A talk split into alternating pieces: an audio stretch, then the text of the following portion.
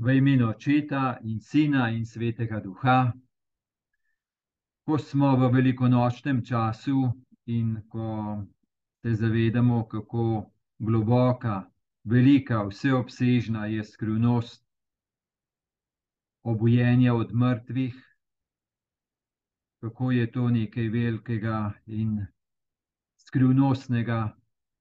Te prosimo, Gospod, naj ta čas preživeti tvojo besedo, ob mizi Božje besede, naj tudi pomaga v odstiranje te skrivnosti, da prehaja v nas in ni vanjo, da smo jo deležni. Naj bodo zato naša srca odprta in hrepeneča in zaupljiva. Amen. Odlomek, ki nam je dan za to nedeljo, je iz Lukovega evangelija, 24. poglavje, od 13 do 35. To je odlomek, ko je imenovan učenca na poti v Emaus. In tako pravi. Glej, prav tisti dan, prvi po soboti, sta dva izmed Jezusovih učencev potovala v vas, ki se imenuje Emaus in je 60 stadijev oddaljena od Jeruzalema.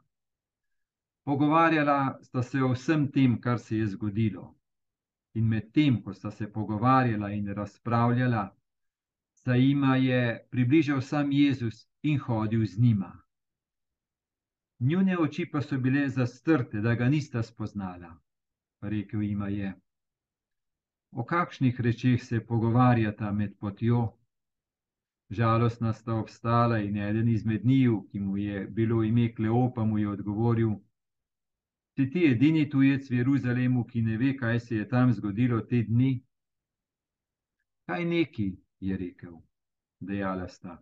To, kar se je zgodilo z Jezusom Nazarečenom, ki je bil prerok, mogočen v dejanju in besedi pred Bogom in vsem ljudstvom, kako so ga naši veliki duhovniki in poglavarji dali obsoditi na smrt in križati. Mi pa smo upali, da je on tisti, ki bo rešil Izrael. Vrh vsega pa je danes že tretji dan, odkar se je to zgodilo. Vsi iz sebe smo tudi zaradi nekaterih žena iz naših vrst, ko so bile zgodaj zjutraj pri grobu in niso našli njegovega telesa, so se vrnile in pripovedovali, da so celo videli, kako so se jim prikazali angeli, ki so povedali, da on živi. Nekateri od naših so šli k grobu in so našli vse tako, kakor so pripovedovali žene, njega pa niso videli. In on jima je rekel: On je spametna in prepočasna v srcu, da bi verovala vse, kar so povedali preroki. Mar ni bilo potrebno, da je Mesija to pretrpel in šel v svojo slavo? Teda je začel z Mojzesom in vsemi preroki ter jim razlagal, kar je napisano o njem v vseh pismih.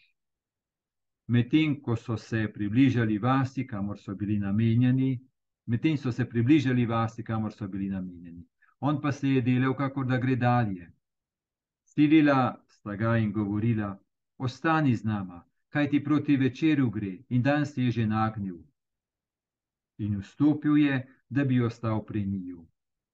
Ko je sedel z njima za mizo, je vzel kruh, ga blagoslovil, razlomil in jim ga dal. Tedaj so se jim odprle oči in sta ga spoznala. On pa je izginil izpred njiju in rekla sta drug drugemu: Ali ni najno srce gorelo v nama, ko nama je po poti govoril in razlagal pisma?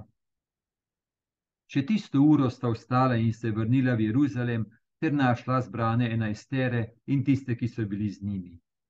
Govorili so: Gospod je res vstal in se prikazal Simonu. Tudi ona dva sta pripovedovala, kaj se je zgodilo na poti in kako sta ga prepoznala po lomljenju kruha.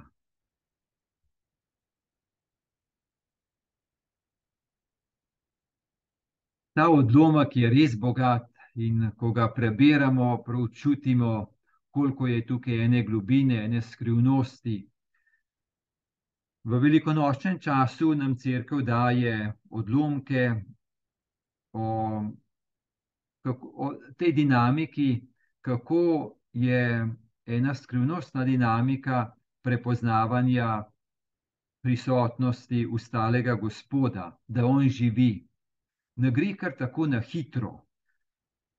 Se naprimer spominjamo Marije Magdalene, kako je bil prav en, en proces, ena dinamika, da je prepoznala prej, pa ga pa ni. Tako imamo ta dva učenca, ko hodita dolgo časa z njim, celo se skupaj usedijo dol, pa ga še ne prepoznata. Torej, kaj nam to govori? To nam govori, da je ostali Gospod um, tako skrivnostno prisoten in da ga zunanje oči ne morejo videti in da gre za pogled vere, kako je on prisoten. No, in prosimo, da tudi ko smo mi s tem odlomkom, da, na, da je to nam v pomoč, da prepoznamo prisotnost ustalega Gospoda. Ker ko je on enkrat ustali Gospod, prisoten, hodi s človekom, tako kot hodi z njima. In kako ga pa prepoznavamo, v čem ga prepoznamo, na kakšen način ga prepoznamo, no, to je pa stvar vere. Ta odlomek najdemo v svetem pismu, torej v Lukovem 24. poglavju. Najprej je odlomek, ko so šle žene grobu in so našle kamen odvaljen, potem so srečali dva angela, ki sta jim rekla, naj ne, iščeta, naj ne iščijo živega med, vr, med mrtvimi, In potem so povedali Petru, Petr je stekel tja in se čudil, kaj se je zgodilo, je pa videl samo prazen grob. Prazen grob pa ni še dokaz, da je Gospod živ. Za srečanje živim Gospodom gre. Za to srečanje gre. No, pojdimo skozi odlomek. Glej, prav tisti dan, prvi po soboti, sta dva izmed Jezusovih učencev potovala v vas, ki se imenuje Emaus in je 60 stadijev oddaljena od Jeruzalema. Pogovarjala sta se o vsem tem, kar se je zgodilo. Torej, vidimo dva učenca, sta se odmaknila od kraja, torej iz Jeruzalema, bila v okrog 10 km oddaljen kraj. Zdaj lahko rečemo, mm, da sta se odmaknila zaradi tega, ker tam ni bilo za zdržati, ker je bilo preveč težko, preveč teže, preveč razočaranja, preveč bolečine. In sta se umaknila, torej bi lahko rekli, da je to beg. Beg in da bi se bilo treba soočati. Ampak ob enem je pa tudi to res. In je tudi ena duhovna modrost, da tam, kjer je zelo težko, je včasih potrebno se res umakniti zato da se ne izpostavljamo preveč in da ne bi padlo še tisto, kar je še ostalo. Tako da to, kako interpretiramo en dogodek, torej to njuno pot, je res dobro, da celostno vidimo. No, pomeljivo je to, kako začne ta odlomek prav tisti dan, kako je to poudarjeno in kjer je ta prav tisti dan. Torej, to je ta dan, ko je Jezus že vstal od mrtvih, oziroma bolje rečeno, ko ga je oče že obudil od mrtvih, torej ga je že potegnil naprej od smrti. Torej, ta, ta dan, ko je Gospod že živi, že vstali, prav ta dan sta ta dva učenca povsem še zaprta, povsem še ujeta. Torej, je še vedno njun pogled do groba, do zaprtega groba, oziroma do odprtega groba, ampak vendarle to še ni um, dokaz, da je Jezus živ. Torej, prav ta isti dan, kako je to vse skupaj, kaj to pomeni tudi za nas, da se lahko to dogodi in dogaja, da marsikje, kjer so naša življenja še močno ujeta v razočaranje, v bolečino, v temino, v temnost. Torej, da je prav takrat, ko je to, je istočasno tudi ostali Gospod prisoten. No, in to je ena velika skrivnost. In medtem, ko sta se pogovarjala, se jima je približal sam Jezus in hodil z njima. Njune oči pa so bile zastrte, da ga nista spoznala. Torej, kako da ga nista spoznala? Torej, dobro, hodili so, verjetno se niso ravno gledali vse čas v, v oči, ampak to, da ga nista prepoznala, ker ga tudi potem, ko so se že skupaj usedli, nista takoj. Um, torej, to je močnejše, zakaj ga nista prepoznala. Zato, ker ona dva sta imela močno to podobo, da je Jezus mrtev in da naprej od smrti ne more biti nič več. Da je pač to to. Dobro, ljudje so tudi verovali, da bo eno ustajenje, ampak vendarle pa ne na ta način, da bi nekdo, ki je umrl, da bi še imel, bi rekel, lahko en vpliv na ta svet, tak direkten vpliv in močen vpliv, da bi, da bi živel. To je bilo pa preveč novo, da bi lahko verovala in zaupala in se odprla tej tako veliki novosti, da je Jezus obojen bil. Torej je prevelika novost, da bi se ji lahko odprla in zato ga nista mogla spoznati. Obenem pa tudi čustveno stanje je potem rečeno, da sta žalostna obstala, pa potem je razočaranje. Torej, žalost in razočaranje sta dve taki stanji, ko iz lasne izkušnje dobro vemo, da se pogled tako zoži, da ne vidi celostno. Da vidi iz žalosti ven, iz bolečine ven, iz razočaranja ven, in takrat mi vidimo zelo popačeno, zelo zoženo zelo drugače vidimo. To je en drug pogled, zaradi tega, ker mi vendarle, naš pogled je tudi v tem smislu, lahko rečemo, čustveno pogojen. Mi nismo eni stroje, ene mašine, eni računalniki, ki bi hladno krvno presojali objektivno stvari, ampak gledamo vendarle iz svoje izkušnje ven.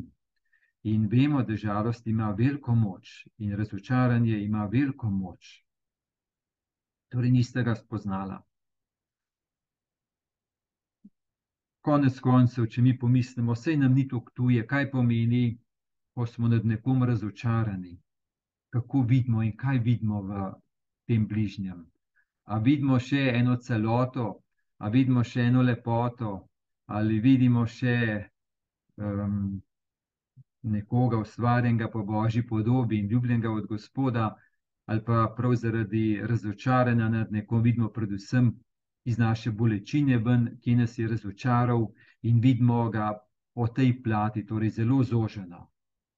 In to ni celosten pogled, in to ni resnica. Resnica je globlja in bolj vseobsežna. No, Jezus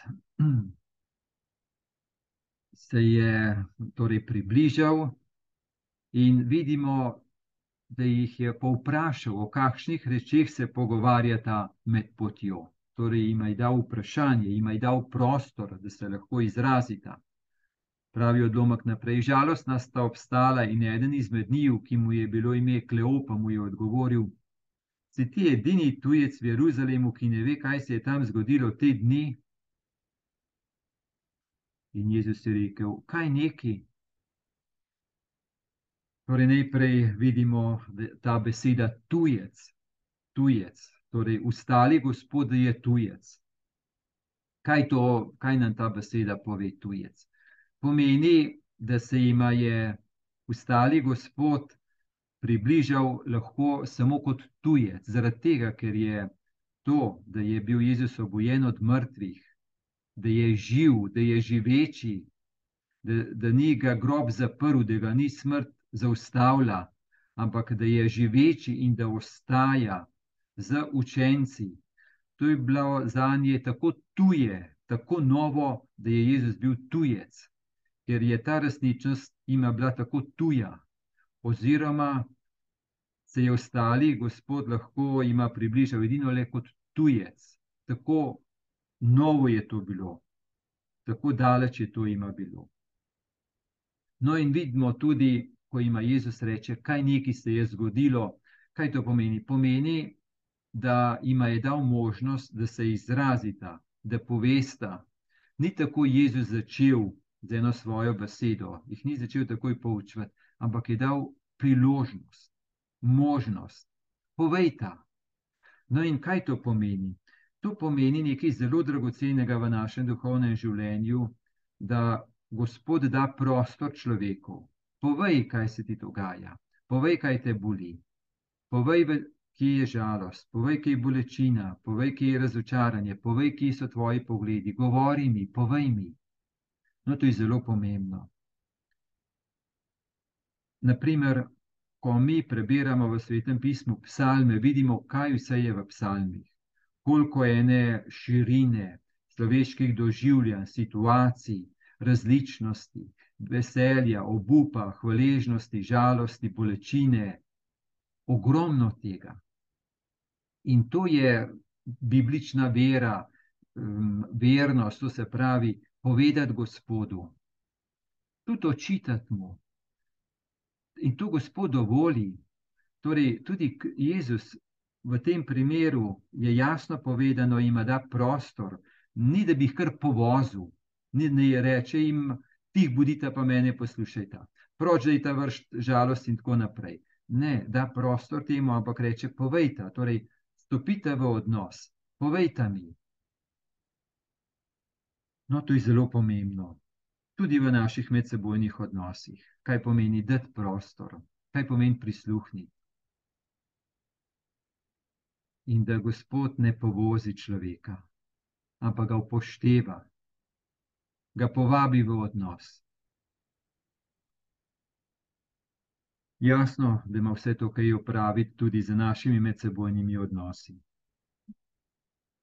Odlomek naprej pravi: dejala sta. To, kar se je zgodilo z Jezusom Nazarečenom, ki je bil prerok, mogočen v dejanju in besedi pred Bogom in vsem ljudstvom, kako so ga naši veliki duhovniki in poglavari dali obsoditi na smrt in križati, mi pa smo upali, da je on tisti, ki bo rešil Izrael.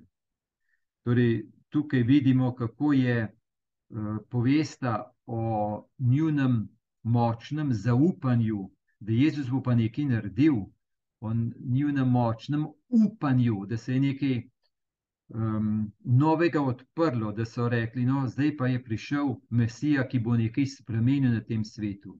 Če ta svet, človeška zgodovina, en kaos, kjer je toliko zla, nasilja, kjer imajo zadnjo besedo tisti, ki grdo delajo, je končno prišel Mesija, da bo nekaj spremenil.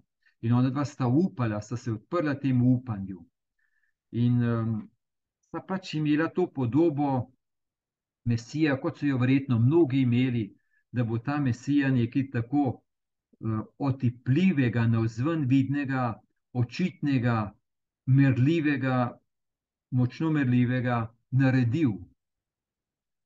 Ko mal bi rekel to, kakšno zunanjo spremembo, politično spremembo. No, da je tako res, je dovolj, da se spomnimo, kako je v apostolskih delih pred nebohodom Še takrat ga učenci sprašujejo, ali je zdaj ta čas, da boš obnovil Izraelsko kraljestvo, torej tik pred nebohodom. Torej, če ne takrat, ko si bil še živ, pa vsaj zdaj, ki, ko si obojen od mrtvih, pa si drugač prisoten v poveličenem telesu, morda boš pa zdaj naredil, če nisi prej.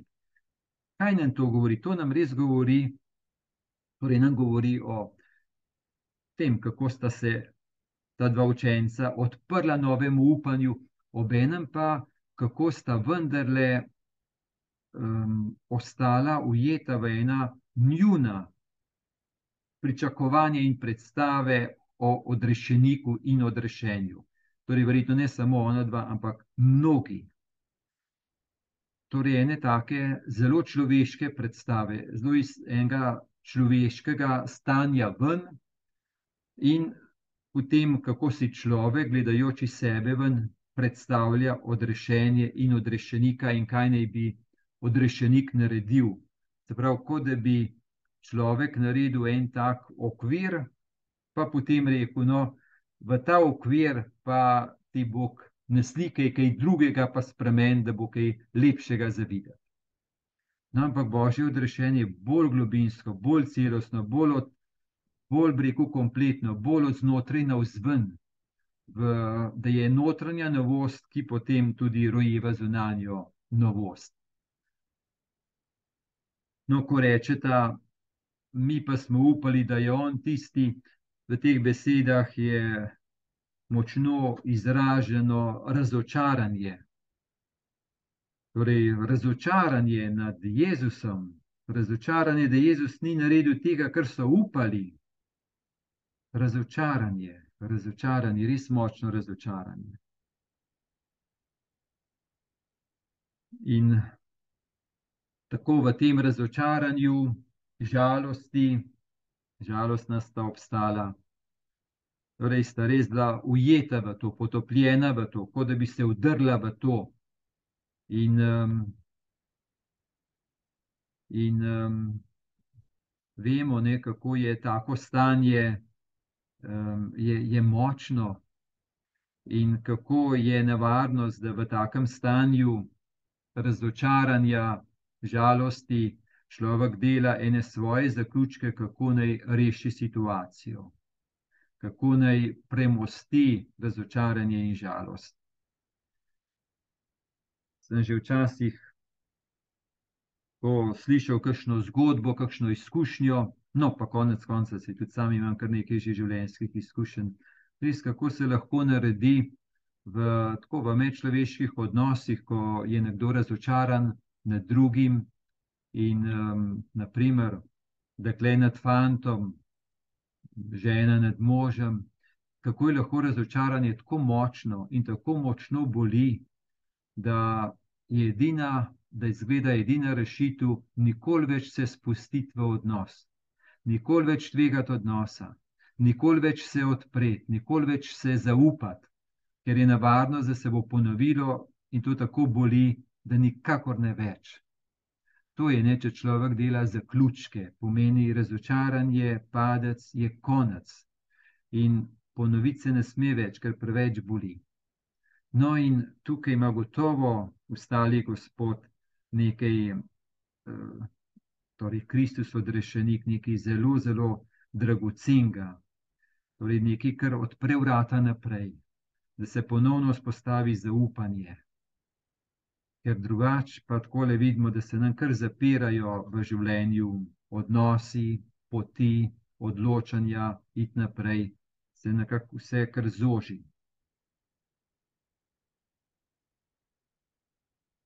No, morda še to, ta, ta tujec v tem smislu, mm, mu res govorite kot tujcu. In včasih morda imamo res občutek, da je gospod tujec v našem življenju, kot da ne ve, da je preveč daleč, preveč odmaknjen, da bi vedel, kaj se nam dogaja. Kot da mu je človeška situacija preveč tuja, da bi vedel, kaj se nam dogaja. Ko je. Jasno, ob tem, ko govorite o svoji žalosti, razočaranju, se lahko tudi mi vprašamo, ki je v naših življenjih morda kaj takega. No, mi gremo naprej po odlomku. Vrh vsega pa je danes že tretji dan, odkar se je to zgodilo. Vsi sebe smo tudi zaradi nekaterih žena iz naših vrst, ko so bile zgodaj zjutraj pri grobu in niso našli njegovega telesa, so se vrnile in pripovedovali, da so celo videli, kako so se jim prikazali angeli, ki so povedali, da, da on živi. Nekateri od naših so šli v grobu in so našli vse tako, kakor so pripovedovali žene, njega pa niso videli. No, torej, vest o praznem grobu še ni dovolj, eh, je potrebno srečanje, potem srečanje z ostalim na kakšen način. No, in potem pa se odstre velikonočna vera.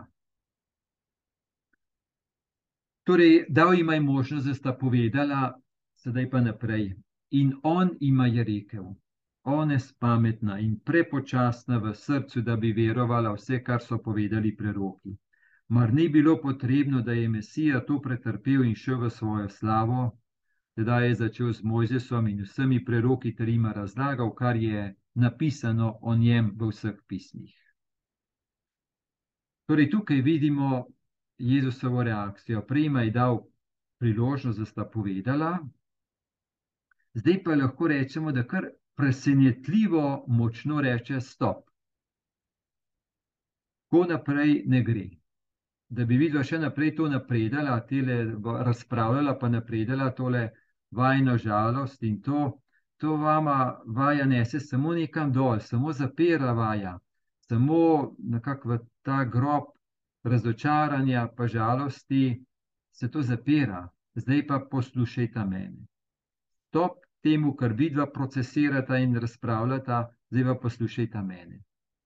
Torej, to je kar močno, tako močno, kot je včasih močen Jezusov, kakšen stavek, zakaj ste maloverni, Peter, zakaj ne zaupaš.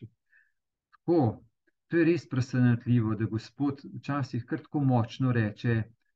Zdaj pa jaz sem vaju poslušal, zdaj pa še prisluhnite meni, ker imam nekaj odrešenskega vama zapovedati. Tisto, kjer sta vidva, ni odrešensko in če nadaljujete, ne bo šlo v odrešenje. Stop tistem, zdaj pa mene poslušajte. Tako je. Tako je. No, in pravi, da je torej, ta beseda nespametna, prepočasna v srcu za vero, za božjo besedo, za sprejemanje božje besede je res močno. No, in tukaj vidimo, kako je božja beseda pomembna. Dobro je božja beseda svetega pisma, ampak tudi božja beseda, vse, vse to, kar se nam je dotaknilo našega srca v smislu odnosa z Bogom. Gotovo pa tudi božja beseda svetega pisma, ker sveto pismo je eno veliko bogatstvo, ki nam govori o dinamiki odnosa med Bogom in človekom, kako Bog išče človeka, kakšen je človek, da prav veliko zvest ni Bogu in kako je Bog zvest in kako Bog vse naredi, da doseže človeka, da prinese človeku božje življenje in da je na človeku, da sprejme in da to živi. Torej, božja beseda v tem smislu je res pomembna, zaradi tega, ker nam prinaša en božji pogled kaj človeški pogled sta ona dva povedala, torej veliko razočaranja, pa žalosti in poloma in vsega tega. Božji pogled, kako Bog vidi vse to, kako Bog to vključi, to je pa en drug pogled, zelo drug pogled. Zelo drug pogled. No, in ga Božja beseda prinaša. Tako da ni čudno, da papež Frančišek skoraj bi rekel, ne izgubi priložnosti, da ne bi ljudi povabil v branje svetega pisma, še posebej evangelijev. Včasih reče: nosite se seboj en mehen svet, mehno svetopismo, oziroma evangelije, odprite kdaj, preberite kdaj. To je res pomembno. Naprej odlomek pravi, Medtem so se približali vasi, kamor so bili namenjeni. On pa se je delal, kako da gre dalje. Silila sta ga in govorila: Ostani z nama, kaj ti proti večeru gre, in dan se je že nagnil. In vstopil je, da bi ostal pri njiju. Ta izraz, da sta ga silila, je močen, torej močno sta prosila: Ostani z nama. To pomeni, da je vendarle um, ob tem, da je bila v njiju ena žalost, zaprtost, razočaranje, ampak vendarle pa v njiju bilo še vedno ena odprtost, eno hrpenenje. In ne, morda se nista polno zavedala, ampak je pa verjetno prav to, da sta vendarle občutila, morda nezavedno. Da je ta tujec, da ima nekaj dragocenega, in da bi želela še ostati, oziroma da bi ostal, sta ga močno prosila, eh, torej, da je bilo tudi to prisotno v njiju. In uh, je že tako, da tudi ta močna želja, izražena, da je zelo pomembna, da je izredno pomembna. In da Gospod to sliši in je ostal. Ko je sedel za mizo z njima, je vzel kruh, ga blagoslovil, razlomil in jim ga dal. Tedaj so se jima odprle oči in sta ga spoznala, on pa je izginil izpred njiju. No, tukaj je pa res nekaj tako pomembnega. Torej, zdaj v tem trenutku, kaj se je zgodilo, kako sta ga ona dva prepoznala? Ona dva sta ga prepoznala po eni gesti, ki je bila tako značilna za Jezusa, kjer se je Jezus razudel pri zadnji večeri, torej je razlomil kruh in jim ga dal. Torej je podoba, izraz, kako se Jezus povsem da, kako oče da svojega sina, kako se Jezus povsem izroči in se da, se pusti razlomiti. Ni Jezus nobenega nalomu, ampak se je on pustil razlomiti, se je dal použiti, kot, torej kot se kruh da použiti, tako se božja ljubezen povsem pusti použiti, zato da bi človek iz te ljubezni živel, zaživel. No, in ko je torej Jezus naredil ta tujec, ko je naredil eno tako gesto, tako značilno za njega, sta ona dva prepoznala, da ljubezen je na delu, božja ljubezen je na delu. Ostali Gospod je na delu, Kristus je na delu, to je On. On je takšen, da se razlamlja. On je, ima to gesto, on to dela. Torej, po tej gesti sta ga prepoznala, da, se, da je na delu božja ljubezen, ta ljubezen, ki se daruje, ki se daje. Potem sta prepoznala, da je ostali Gospod tukaj, prisoten, da je živ, da je živeči, da je božja ljubezen, ki se daruje, resnična in da je namenjena človeku. No, to jih je tako močno, močno pretreslo, da, se, da, da, da, sta, da so se jim odprle oči. In vemo, da to ne gre zdaj toliko za zunanje oči. Ni zdaj, da bi se Jezus ne vem kaj na vzven spremenil, ampak ona dva sta zdaj lahko skozi to gesto v moči vere prepoznala, da je Gospod živeči. Torej, gre za to lomljenje kruha, kar jasno je Euharistija, eden izmed izrazov, kako so prvi kristijani poimenovali ta zakrament, je prav to, prav lomljenje kruha. Torej, na ta način se je Jezus dal spoznati in um, tudi nam v Euharistiji. Euharistija je zakrament Božje prisotnosti, Gospodove prisotnosti, torej zakrament je način in prostor, kako je Gospod sam želel, da ostaja z nami. On garantira, da je v tem zakramentu z nami, da je blizu. Pa ne samo kot ena prisotnost, ampak kot njegova daritev za nas, da se znova in znova nam daruje in da njegova daritev za nas nam odpira pot v očetovo hišo da je znova in znova v zakramentu Euharistije odprt ta prostor, kjer smo mi zajeti naša življenja, zajeta v odrešenje, torej da jih Kristus to prime in nese v očetovo hišo, v odnos z očetom, da smo že z očetom povezani, da imamo skrbnega in dobrega očeta in da smo mi njegovi otroci. No, naprej še pravi, In rekla sta drug drugemu, ali ni najno srce gorelo v nama, ko nama je po poti govoril in razlagal pisma. To je ne, da marsikdaj se za nazaj zavedamo, sprot ne. In tudi v zdajšnjem trenutku se ne zavedamo vsega, kar se božjega odrešenskega dogodi. To bomo videli potem za nazaj in v onkrajnosti pa polnost tega. Še tisto uro sta vstala in se vrnila v Jeruzalem, ter našla enajstere in tiste, ki so bili z njimi. Govorili so: Gospod je res vstal in se prikazal Simonu. Tudi ona dva sta pripovedovala, kaj se je zgodilo na poti in kako sta ga prepoznala po lomljenju rok. Torej sta šla nazaj, sta rekla: No, deset km še, torej jo, jo je kar nesel nazaj v skupnost kjer je bil en prostor pripovedovanja, da je Kristus živeči, torej da se njegova pot ni končala v tistem grobu, ampak da ostaja prisoten, resnično prisoten. In resnično prisoten, da tudi njegova daritev, da ostaja prisotna. Torej, v lomljenju kruha ni šlo samo za prisotnost kot tako, ampak za odrešensko prisotnost Torej, da je njegova ljubezen se stalno, Kristusova ljubezen, da se stalno znova razliva. Da oče, zato ker je Kristus vso to pot prehodil, torej pot ljubezni do konca, zvestobi očetu do konca in da ga je to pripeljalo na križ in v smrt, v srečanje s človeškim zlom. Torej, prav po tej poti, po tem načinu se je v človeštvo razlilo največ očetove ljubezni. Ne na ta način, kot sta ona dva pričakovala, da bo on ne vem, na vzven je kaj naredil, zmagoslavno, ne vem, kaj naredil, ampak po tej poti, po Kristusovi poti, da je največ očetove večne ljubezni zlite v človeštvo, nalite v naša srca.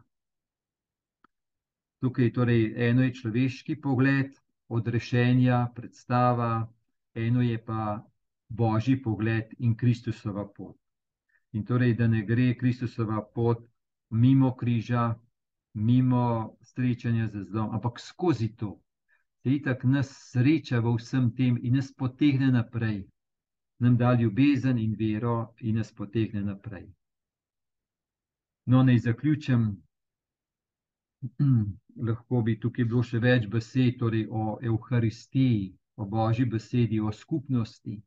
Tu so gotovo taki tri elementi, torej zakramenti, božja beseda, skupnost. To taki bi rekli, značilnosti krščanskega življenja in dokler bo v nas želja, potem smo gotovo na pravi poti. No, naj zaključim še s to besedo, da ima vsakdo od nas ima kakšen emaus. Torej, kraj oddaljevanja, kraj žalosti, kraj razočaranja. Vendar pa ravno to more postati kraj srečanja z ostalim gospodom, Gotovo, torej so tukaj zakramenti, je tukaj božja beseda, je tukaj skupnost, povezanost. In na ta način lahko srečujemo ustalega Gospoda, da je živ, da je prisoten, da je z nami, da ni nekje z nami, da ni nekje daleč. No, in torej naj nam tudi ta odlomek pomaga v prepoznavanje, da je ostali Gospod živ, prisoten, blizu, skrivnostno prisoten in da ga lahko bolj in bolj prepoznavamo prisotnega in dejavnega v naših življenjih in se mu odpiramo in izročamo in tako ostajamo z njim in v njem. In naj vas vse spremlja Božji blagoslov, blagoslov Boga Očeta in Sina in Svetega Duha.